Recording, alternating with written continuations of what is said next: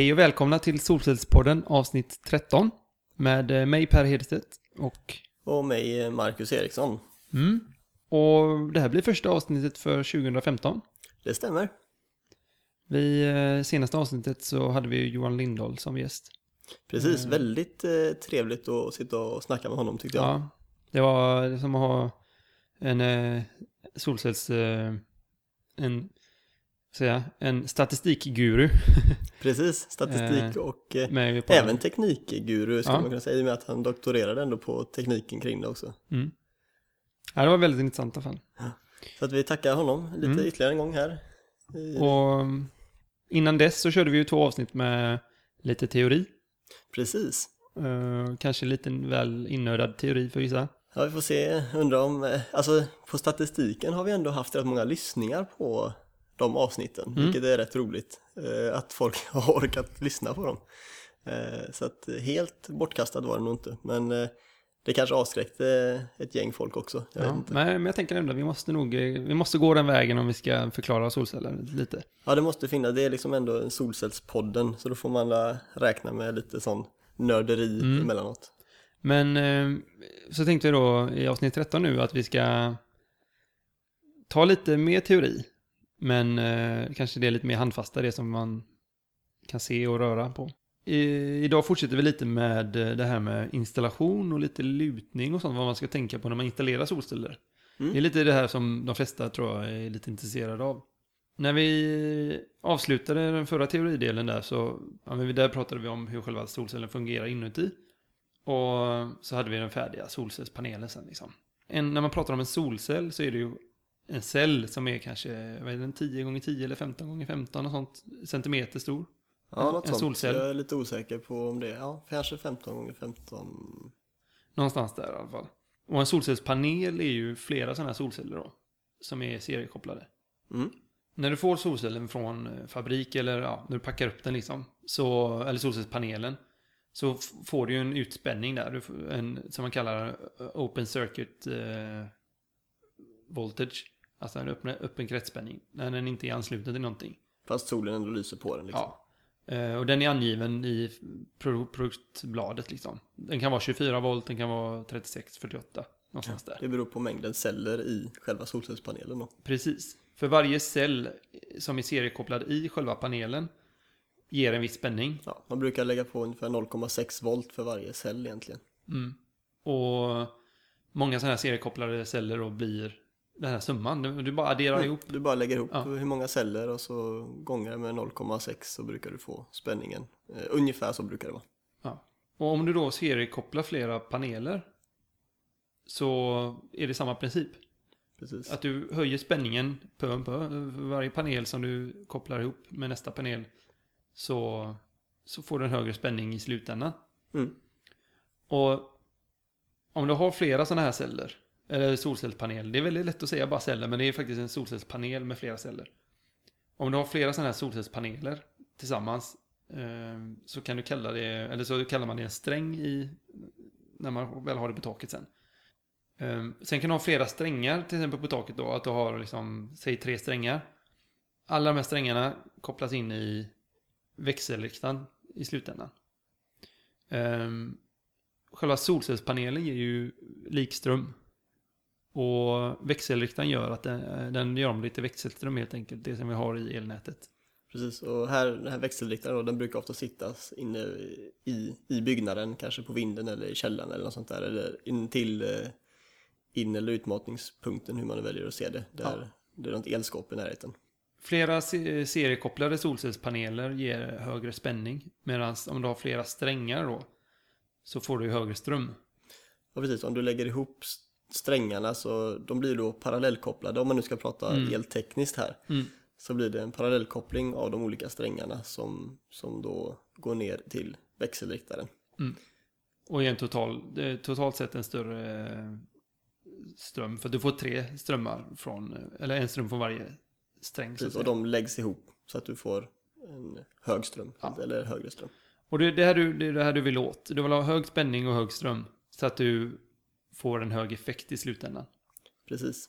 Effe eh, om vi bara snabbt, drar lite snabbt här att eh, spänning är ju volt.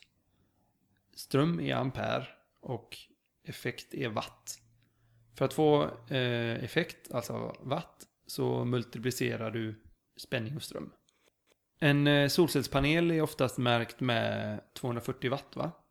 Ja, 240-260 någonstans där. Ja. Sen beror det på, då på hur stor anläggning du har liksom. Som, eh, beroende på hur stor total effekt du får ut på ut från växelriktaren sen helt enkelt. Precis. Solcellernas placering, de vill man ju oftast ha mot söder optimalt sett. Solen går upp i öster och ner i väster. Och eh, mitt på dagen när det står som högst får vi bäst solinstrålning mot panelen. Eh, eftersom att den, när den är låg så färdas ljuset mycket längre och genom... Genom mycket mer atmosfär helt enkelt. Ja. Så om vi optimerar efter när den står som högst så, så får vi en bästa produktionen när vi har de bästa förutsättningarna.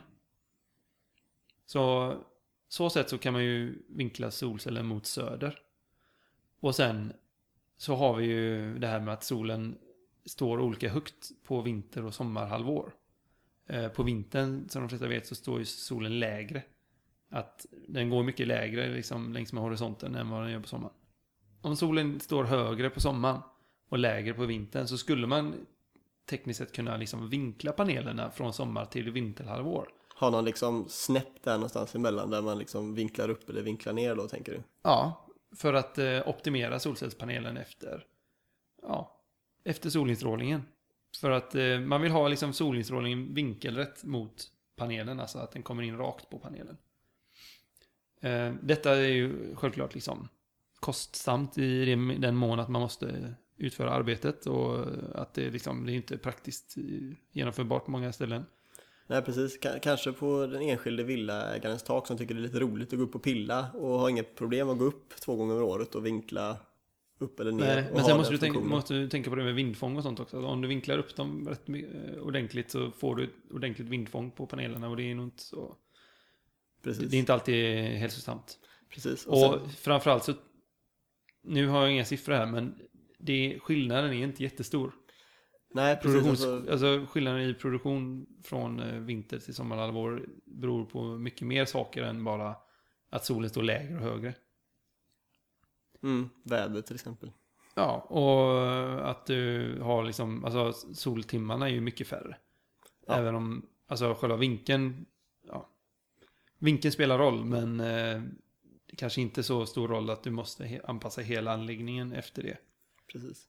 Sen är det också en grej till för den som tänker att ja, jag skulle vilja sätta upp sådana här funktioner att man kan vinkla lite emellan sommar och vinter. Och då måste man tänka på också att du måste ha ett ganska bra lutning på ditt tak för att inte behöva liksom tappa solcellsyta kontra eh, möjlig utvinnbar effekt i och med att om du vinklar upp panelerna så skuggar de varandra betydligt mer än vad du gör om, de har, om du har dem neråt, nedlutade så att säga. Så att eh, då får du mycket längre avstånd mellan raderna också om du ska, du ska ha uppvinklade paneler på ett relativt platt tak. Sånt här är väl egentligen eh, bäst att fundera på när det är fristående solcellsanläggningar? Eller? Precis, där man har kanske också en ganska stor yta att spela på där man skulle kunna ja, ställa panelerna med ganska, alltså, ganska glest, alltså raderna ganska glest emellan varandra. Alternativet är ju solföljning då. Mm. Om man vill eh, göra det optimala eh, solinstrålningsmässigt så kan du ha solföljare som helt och hållet följer solen. Att de sitter på som en eh, stor eh, arm. Ett stort sjok på en arm som, följer, som snurrar med solens gång. Nej, men om du har en solföljare så, ja, den helt och hållet följer solens gång och då får du den bästa solinstrålningen. Och jag läste på Bengt Strids blogg där att man kunde få upp mot 39 procent då. Mm, det var ett högre. enskilt fall han hade i alla fall tagit som data som tyckte vi verkade vettigt. Mm. Upp mot 39 procent högre verkningsgrad på din anläggning liksom, om du har en solföljare. Ja, precis. 39 procent eh, mer el producerad. Ja, precis. Det är ju framförallt då kanske för ja, fristående anläggningar. För det här är ju en stor, det är en stor grej att smälla upp en sån här solföljare. Eh, så att investeringskostnaden i en solföljare är kanske inte ja, kanske inte alltid värt det liksom. Ofta så syns de ju väldigt mycket och ger en väldigt bra marknadsföring. Precis, om det är det man är ute efter så kan ju det vara ett alternativ som Mm. fungerar av andra syften också. Eh, En, en sak som jag känner att jag vill lägga till Ja, på temat eh, vinkling och sånt. Eh, en regel som jag tycker att man ändå ska ha i bakhuvudet är att eh, när man sätter upp solceller så är den bästa vinkeln man kan ha på solcellerna lika med takets slutning. mm, För att i praktiken så är det så att om du har ett tak och den kanske inte har den optimala vinkeln men däremot så är det betydligt enklare att montera solcellerna enligt takets slutning i och med att du inte behöver ha några extra anordningar för att eh, infästningsmaterial och sånt och du behöver inte få så mycket vindlaster eh, och det ser snyggare ut. Det finns många sådana saker som, som spelar in när det kommer till praktiken. Eh, om du har sneda tak. Eller sadeltak motsvarande. Precis, precis. Och sen så kan man också, även om du har platta tak så kanske det inte är så att det kanske är värt att ha allt för upplutade paneler. eh, I, vi pratar, vi kan komma till det kanske, men vi sa ju att optimal vinkel i Sverige är väl cirka sådär 40, mellan 40-45 grader. Om man ser det på årsbasis. Eh, Men det är väl sällan som man på platta tak optimerar på det sättet i och med att då får du plats med mycket mindre paneler eh, och eh, på det viset då eh, i och med att panelerna i sig har gått ner så mycket i pris så kan du kanske rent tekniskt tjäna pengar på att lägga ut lite plattare lutade paneler fast fler så att du får in mycket effekt på din takyta.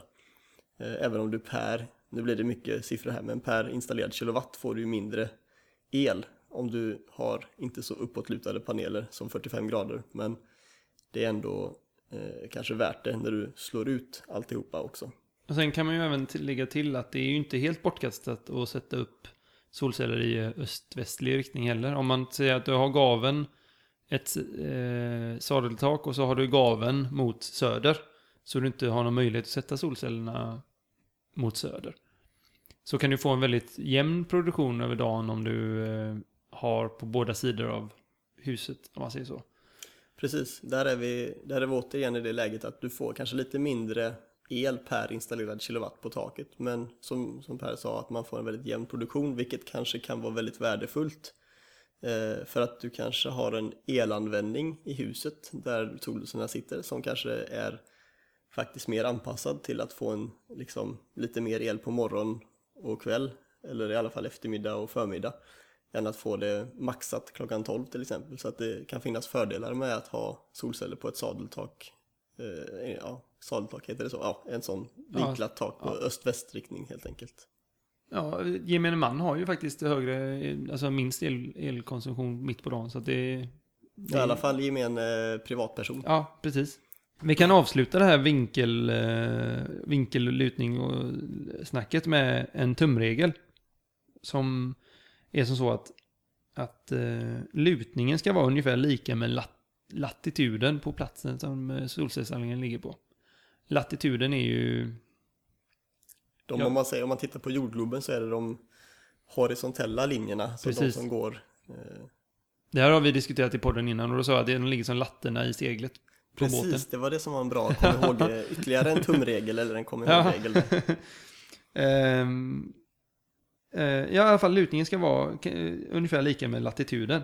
Man kan säga att det är latituden minus 10-15 grader på sommaren och latituden plus 10-15 grader på vintern. Okej, vad har vi för latitud här i s- i 57. typ södra Sverige? 57 grader. 57 någonstans? Ja, Okej, det. Ja, det stämmer väl. Och så minus 10-15 grader. Då är Mm. vi nere på runt 40. Ja, 40. Så det känns ju som en ganska Mm. rimlig då, på sommaren i alla fall. Ja. Ja.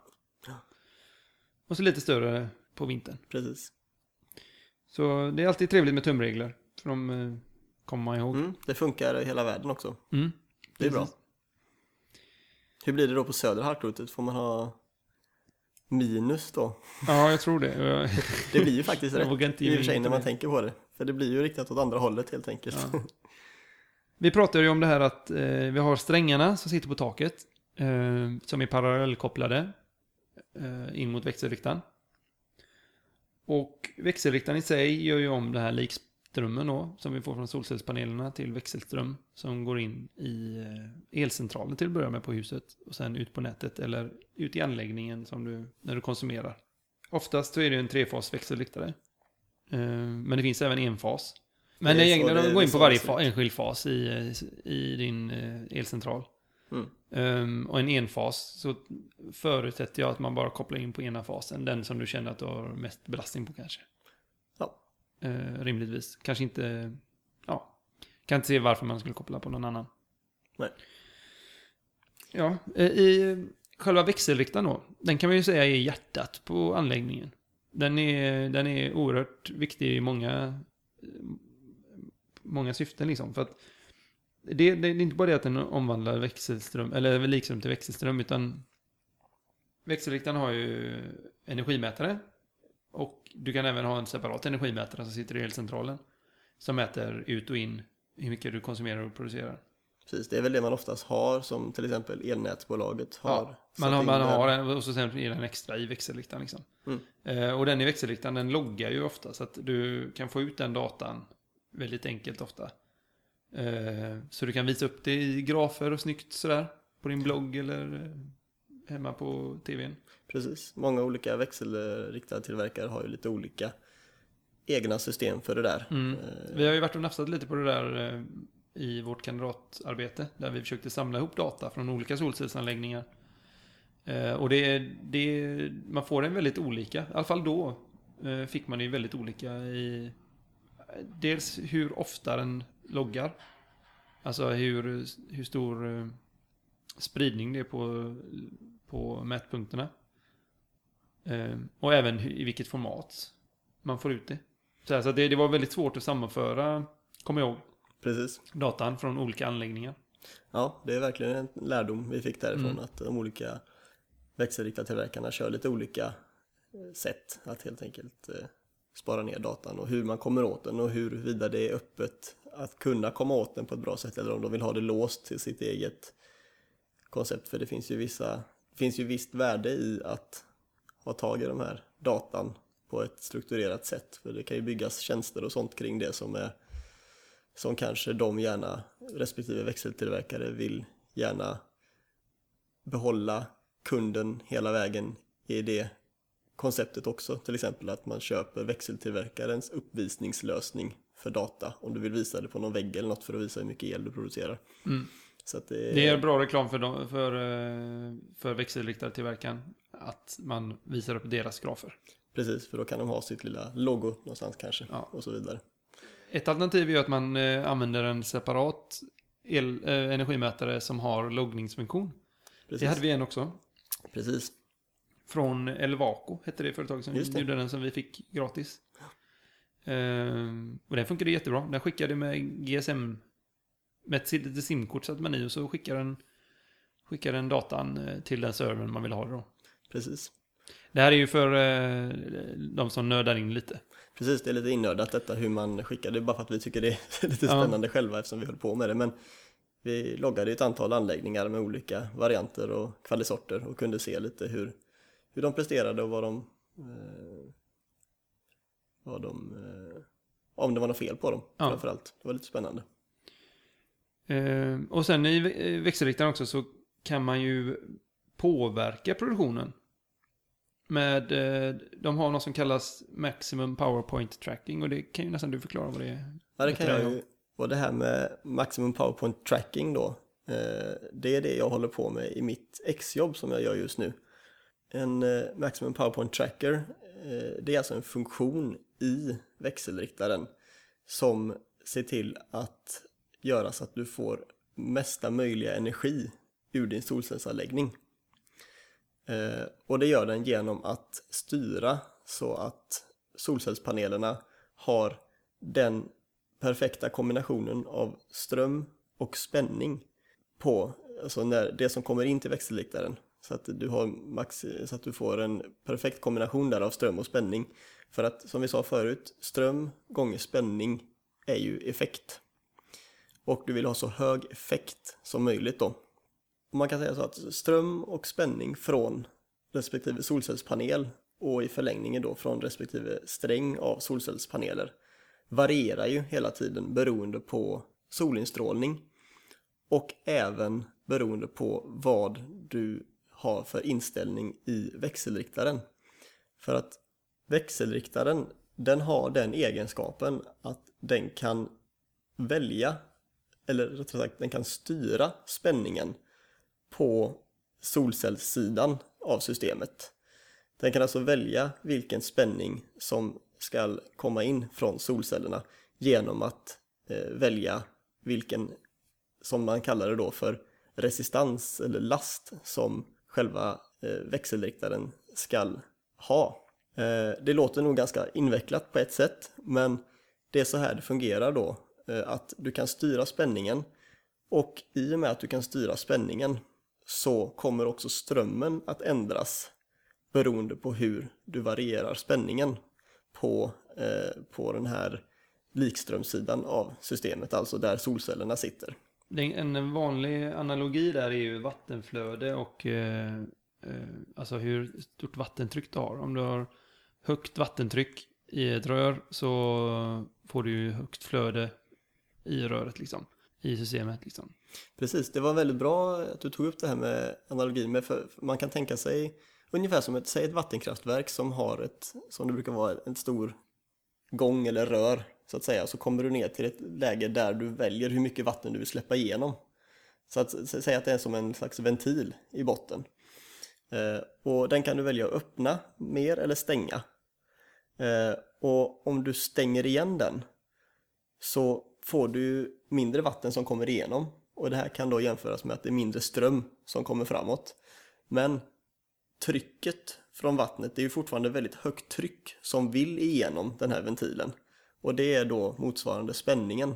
Så att om du stänger ventilen eh, i botten av själva ett rör kan man säga då, då får du väldigt högt tryck, det vill säga du får en väldigt hög spänning i vårat fall då. Eh, skulle du öppna ventilen så är det väldigt lätt för vattnet att ta sig ut. Och då blir det inte så högt tryck utan då liksom åker vattnet lätt igenom. Eh, det betyder att vattnet är vår då, i det här fallet vår ström, så att vi får hög ström men vi får en lägre tryck eller motsvarande då spänning. Då sa jag fel förut. Jag sa högt tryck blir hö men skitsamma. Okej, okay, ja. Mm. Eh, och om vi översätter den här, det är väldigt bra att du tog upp det här med mm. eh, det här rör och eh, den analogin. För det är det växelriktaren också kan göra. Den kan välja hur trögt det är för strömmen helt enkelt och gå igenom själva sig själv, växelriktaren. Eh, på det sättet styr vi spänningen på, eh, där solcellerna, på solcellssidan. Och eftersom vi vill hitta det optimala läget mellan ström och spänning, för då kan vi få en så hög, alltså det finns ett läge där vi har en viss ström och en viss spänning, om man tar det gånger varandra så får du ett så högt tal som möjligt för en viss solinstrålning ska vi lägga till då. Nu blir det också lite krångligt att tänka men det är liksom så här man måste nästan förklara det på det här sättet. För det här gäller då vid en viss solinstrålning. Och då är ju tanken att Eh, då finns det ändå smart funktion i växelriktaren som hela tiden håller på och letar efter, om okej okay, nu sänker jag spänningen lite grann, vad händer då om jag tar ström gånger spänning? För vi får lite mindre spänning, det betyder att vi får lite högre ström och så tar vi ström gånger spänning och så får vi en effekt och så kollar vi, hmm, var den mer eller var den mindre än den effekten vi hade för en millisekund sedan säger vi då. Om det då är mer, då tycker vi att ja, det var en bra grej, då ska vi fortsätta att eh, göra så här, vi ska fortsätta att sänka spänningen ännu mer. Men till slut kommer du kanske då till en punkt där du faktiskt inte, där du, när du tar ström gånger spänning faktiskt får ett lägre, en lägre effekt än vad du hade innan. Och då vet du att okej, okay, nu, har jag, nu har jag sänkt spänningen för mycket. Ja, då får jag gå upp igen. Och den här funktionen i växelriktaren den ligger och håller på och letar hela tiden. Den ändrar spänningen lite grann, kollar, ha, blir det bättre eller blir det sämre? Och den gör det här väldigt, väldigt fort. Så att det betyder att vi ligger på ungefär samma punkt hela tiden. Det ligger och eh, wobblar lite kring den här punkten mellan ström och spänning som är den optimala då. Och då, det är så en Maximum PowerPoint Tracker fungerar egentligen. Att den letar hela tiden efter den optimala eh, liksom kombinationen av ström och spänning. och därför så ser växelriktaren på det här sättet till att du får maximal liksom, mängd el ur din solcellsanläggning och maximal mängd effekt snarare. Sen har vi något som heter Power Optimizer också. Ja, precis. Du, kan du förklara lite snabbt vad det är mm. Power Optimizers kan man också använda Eh, och man kan säga att det, de gör precis samma sak som växelriktaren gör, bara det att de här som vi kallar för Power Optimizers, de sitter på respektive panel, alltså de brukar sitta fästa under panelen. Eller så sitter det kanske en Power Optimizer, alltså det är en liten låda i princip som sitter uppe på taket då. Oftast, så det kan sitta till exempel en sån Power Optimizer-låda som hör till sex paneler till exempel. Eller så är det för varje enskild panel, alltså det kan man välja lite grann, det beror på hur, eh, så att säga, hur viktigt det är att man verkligen får maxeffekt ur varje panel. Och så kan man göra en avvägning där. För att varje, en optimizer kostar pengar. Och... Precis, en optimizer kostar pengar och det kanske inte är värt att sätta en för varje panel för eh, ja, det är lite detaljer kring det som gör att vad som är värt att göra. Men, men principen är att en Power Optimizer också, den har den här inbyggda den har alltså en inbyggd Maximum PowerPoint Tracker i sig som gör precis samma sak som växelriktaren gör i vanliga fall. Skillnaden är bara att den gör det för till exempel varje panel då redan på taket eller för varje, var, kanske sex paneler i en grupp då. Och sen skickar den ner eh, likspänning ner till den. Det finns fortfarande en burk som man kan säga är som en växelriktare, bara att den behöver då inte ha någon maximum powerpoint tracker i sig. I och med att du redan har gjort den här, den här avvägningen om vilken ström och spänning du ska ha som är bäst redan uppe på taket i den här lilla burken då. Eh, och eh, därför så kan man få en och fördelen med detta då, varför ska man ha sådana grejer? Varför ska man inte göra det nere i själva växelriktaren? Det går väl lika bra kan man ju tycka då. Men det beror på att det kanske är så att om du ser till hela systemet, för växelriktaren han ser ju bara alla paneler på en gång och hitta det optimala läget mellan ström och spänning för hela systemet på en gång om man säger så. Men tänk dig då till exempel om en panel eller några paneler har skugga på sig. Då har den, den delen, till exempel eh, den delen av anläggningen då, eh, till exempel om vi har en Power Optimizer som, som sköter den optimala punkten för just de panelerna som råkar vara skuggade, eller delar av dem är skuggade, då kan den se till att få ut så mycket som möjligt ur eh, även den skuggade partiet medan alla de andra delarna av solcellsanläggningen kan producera på sitt max. Det här kan man inte göra om du har en växelriktare som ser hela systemet på en gång. För de här skuggade panelerna, de förstör alltihop för, för den här eh, Power Optimizer-funktionen som sitter i växelriktaren. Om den ska försöka optimera en punkt för hela systemet så kommer den absolut inte att kunna nå upp till att få så mycket effekt ur systemet som du kan få om du kan lokalt eh, se till att få eh, maximal effekt från respektive panel eller respektive grupp av paneler på taket redan då. Så Power Optimizers är generellt sett till för anläggningar som vet att kommer skuggas vid något tillfälle? Så ska man kunna säga. Om man har en flaggstång eller en, eh, ett träd eller en eh, skorsten eller någonting som kontinuerligt, eller som skugga liksom någon gång på dygnet så. Så att så kan man säga och sen så de som säljer in de här produkterna de argumenterar också för att det finns ett syfte att ha de här power optimizerna även i oskuggade system på grund av att de menar på att det finns en viss skillnad mellan varje solcellspanel i Alltså de är inte exakt likadana. Om vi har, köper till exempel en, en samma märke, samma panel på 250 watt till exempel och så har vi 10 sådana paneler. Men då är det så att en panel kanske är 252 watt, en kanske är 251 watt, en kanske är 250 watt. Eh, och den här skillnaden då eh, gör att eh, det kan finnas ett syfte med att ha en power optimizer på till exempel varje panel eller i alla fall kanske en var fjärde panel eller någonting som, som optimerar för just den här panelen. Men eh, jag skulle, det, finns diverse, det finns lite tester och, och labbtester på det här att de som säljer systemen eh, de menar på att det kan vara värt det eh, medan vissa labbtester visar att det faktiskt inte är värt det. Eh, utan att det, kost, det kostar ju betydligt mer att ha de här, eller det kostar mer i alla fall att ha Power Optimizer. Så att det är inte kanske då värt det ur den synpunkten om du inte har skuggning egentligen. Men där har jag inga exakta siffror och sådär. Så att, men i alla fall skuggning så är det bra med Power Optimizers. Det finns en typ till då som vi kallar för microinverters. Och det är kort och gott är det växelriktare som sitter under respektive panel som bara är växelriktare precis som den stora växelriktaren man brukar ha i källaren eller på taket eller i, på vinden eller så. Det är bara att man sätter små växelriktare på varje panel istället. Och varje sån har då en separat eh, power, så säga maximum power point tracker.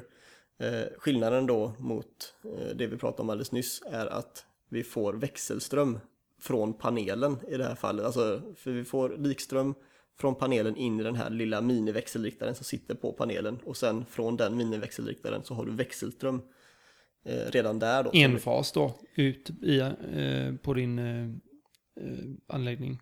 Precis, så du kan liksom koppla in den på, på en fas direkt då. Så Mm. att, Sen finns det någonting som, om vi, om vi släpper växelriktaren lite så, och går tillbaka till solcellspanelerna så finns det någonting som förekommer ofta som heter STC.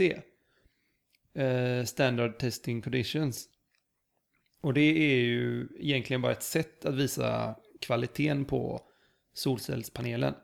Att eh, den, den mäts med standardförhållanden som gör att, att du liksom kan jämföra olika paneler med varandra.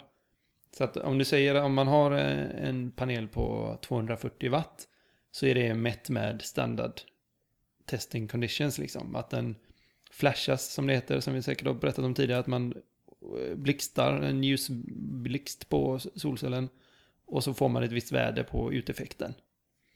Eh, men det kan vara bra att veta. Och ehm, så har vi även talat tidigare om att det är, solcellspanelerna blir bättre om de kyls. Uh, Alltså om de, om de, blir, de blir sämre när det blir varmt helt enkelt. Och detta gör ju då att man tjänar på att ha en liten luftspalt mellan tak och eh, solcellspanel. Också bra att tänka på. Eh, ofta så blir det ju det naturligt när man sätter eh, Eh, de här eh, ställningarna och det som håller fast panelerna så, så ligger panelen ovanpå och då får du en luftspalt under. Som, så att det kan eh, ventileras där under liksom. Och i förlängningen så kan du ju även ha hybridpaneler som det heter. Där du kör någon viss någon ja, vätska i ledningar under som värms upp och så kan du, kan du använda den värmen till annat då. Eh, Det här talade vi om, om man vill veta mer om hybridpaneler så kan vi ju lyssna på eh, Solcellspodden avsnitt 4 tror jag det var. Med Johan Ahlgren just det. som eh, håller på med just det här. I kombination med bergvärme. Mycket intressant var det. Mm. Ja, och jag har en liten grej till på växelriktare också. Jag såg, jag googlade lite igår på nya typer av växelriktare. Och hittade eh, att SMA, som är ett företag, tyskt tror jag. Som gör väldigt många av de växelriktare som sitter på anläggningarna Det är väldigt i vanligt, Sverige faktiskt. Eh, väldigt vanligt förekommande märke. De har en växelriktare med inbyggt batteripack. Mhm. som skulle kunna leverera själva batteri, när det laddas ut då så kan du få ut 2 kilowattimmar på det, på en urladdning om man säger så. Och det var väldigt intressant. De hade eh, en, en testperson som jobbade för företaget då som hade satt den hemma hos sig och provat och skrivit om, om hur, hur mycket effekt och så, eller mycket, ja, hur, hur han, han skrev mest att det kunde, liksom, det förlänger lite livslängden på din anläggning. Att om solen, solen, solen har gått ner så kan fortfarande batteriet ge två kilowattimmar till då liksom. Ehm, och du förlorar ju egentligen ingenting på det som att du inte förbrukar all... Alltså du laddar ju bara upp batteriet när det är över dagen när det är som högst produktion liksom. Ja, väldigt intressant i alla fall att du kan ha... Du får lite skjuts där. Väldigt intressant skulle jag säga, för det, just när du säger detta så känner jag att det väldigt mycket kommer in på, på mitt exjobb. Ja, eh, som jag har en del i exjobbet som skulle kunna vara ett tillägg som, som skulle kunna vara precis på det här sättet med batterilager eller som det heter, super, superkapacitans, alltså en stor Mm. kap, eh, kapacitans som skulle kunna jämna ut eh, solcells, alltså produktionen lite i och med att vi får lite alltså varierande, om det kommer moln och sånt så blir det lite varierande uteffekt så då kanske man skulle kunna använda det här, ett mindre batteri då som, som jämnar ut saker och ting lite grann. Precis, Det för det handlar ju inte om de här stora lagren som man ser ofta, utan eh, som, som är som stora tankers liksom som står i en källare någonstans. Utan det är ju liksom halv, hälften så som själva växelriktaren liksom och satt på sidan och väldigt enkel att koppla på och av och så. Mm. Eh, ja, Mm. Så det, det var intressant det hittade jag igår. Ja, väldigt Eh, spännande, måste jag säga. Framförallt för min del känner jag. Ja, Eh, Jag skulle kunna bara spinna på väldigt kort eh, om eh, det exjobbet som jag gör så långt jag har kommit nu. Alltså, det handlar om att det har ju med den här Maximum PowerPoint tracken att göra då. Men jag, mitt syfte är egentligen att försämra saker och ting. Vilket låter kanske lite konstigt. ja det låter galet. Ja, jag skulle vilja göra Maximum PowerPoint Tracker fast som inte är så bra. Eh, och varför vill man ju då göra det? Jo, det har lite att göra med det som vi sa just här, eh, att det är lite, alltså, solcell, alltså solinstrålningen varierar ju eh, normalt, framförallt när det kommer moln och sånt som kommer förbi solcellsanläggningen så får du mycket mindre effekt och så får du mycket mer effekt och så wobblar det så fram och tillbaks. Och det här då skulle kunna, dels finns det, alltså kan det ge spänningsvariationer på nätet, Eh, alltså elnätet eh, lokalt där solcellsanläggningen sitter om nätet är svagt och dels så kan det bli frekvensvariationer beroende lite på hur situationen ser ut där, där solcellsanläggningen är installerad då. Men vad mitt XO går ut på lite grann det är att kika på om det är så att man kan göra så att till exempel om du har en solcellsanläggning som är i moln, alltså som är täckt så att det inte lyser sol på den. Och sen försvinner molnet ganska plötsligt och så får du plötsligt väldigt mycket sol på solcellsanläggningen. Då vill ju den här eh, Power Optimizer-funktionen eh, se till att mata ut väldigt mycket effekt väldigt snabbt i och med att den, den vill hela tiden ligga på den här punkten som ger maxeffekt. Men vad man skulle kunna göra då är att man ser till att den här funktionen inte är så snabb när den ska gå från, om du har väldigt lite solinstrålning till väldigt mycket solinstrålning men så segar den lite grann då får du ju en långsammare liksom, ökning av den utmatade effekten vilket visst gör att du förlorar viss, alltså du får ju inte matat ut lika mycket el då men däremot så blir det snällare mot elnätet i och med att det inte blir så hastigt som du matar ut elen eller matar ut mycket effekt på väldigt kort tid liksom, vilket så kan ge de här spännings och frekvensproblemen då. Framförallt frekvens kollar jag på. Ja, det är ungefär där jag är just nu. Jag tänkte bara göra en liten snabb rapportering om vad, som, vad jag pysslar med. Och då får vi, kommer vi få höra under vårens gång här hur det går och gått. Precis, och huruvida det är vettigt det är väl slutsatsen ska vi Ja. helst komma fram till huruvida det är värt att göra detta kontra hur mycket elnätsnytta vi får kontra att vi förlorar lite produktion och sådana saker. Och sen så som en slags tillägg, så jag förmodligen inte kommer hinna med, men det är att kolla på just det du sa, det här med om man kan hålla ett litet batterilager som kan hjälpa till med de här utjämningarna. Så just nu när du sa det så låter det som en väldigt spännande idé faktiskt. Mm. Jag känner att min lista är, är avklarad. Ja, det är min med känner jag. Mm. Det, det känns som att vi fick in rätt mycket i ett avsnitt här, så att det, Ja. vi får klippa ner det Ja, vi får klippa hur ner bäst det. vi kan. Ehm, men eh, vi har ju egentligen gått igenom en solcellsanläggning, hur den funkar rent praktiskt. Så. Mm. Får be om ursäkt för lite innörderi på Maximum PowerPoint Tracker-funktionerna. Det är bara för att jag är så inne i det just nu. Det ni får leva med det, så får ni spola fram. eh, Ja, det är för sent nu kanske, men Har du trocklat igen hit så, så är det bara ja, kanske jag lägger in det här i början så att folk vet att de kan spola. Men ja, ni får ha överseende. Ja, hej, det är Per här. Jag skulle bara vilja passa på att tacka alla som lyssnar och eh, som laddar ner våra poddar.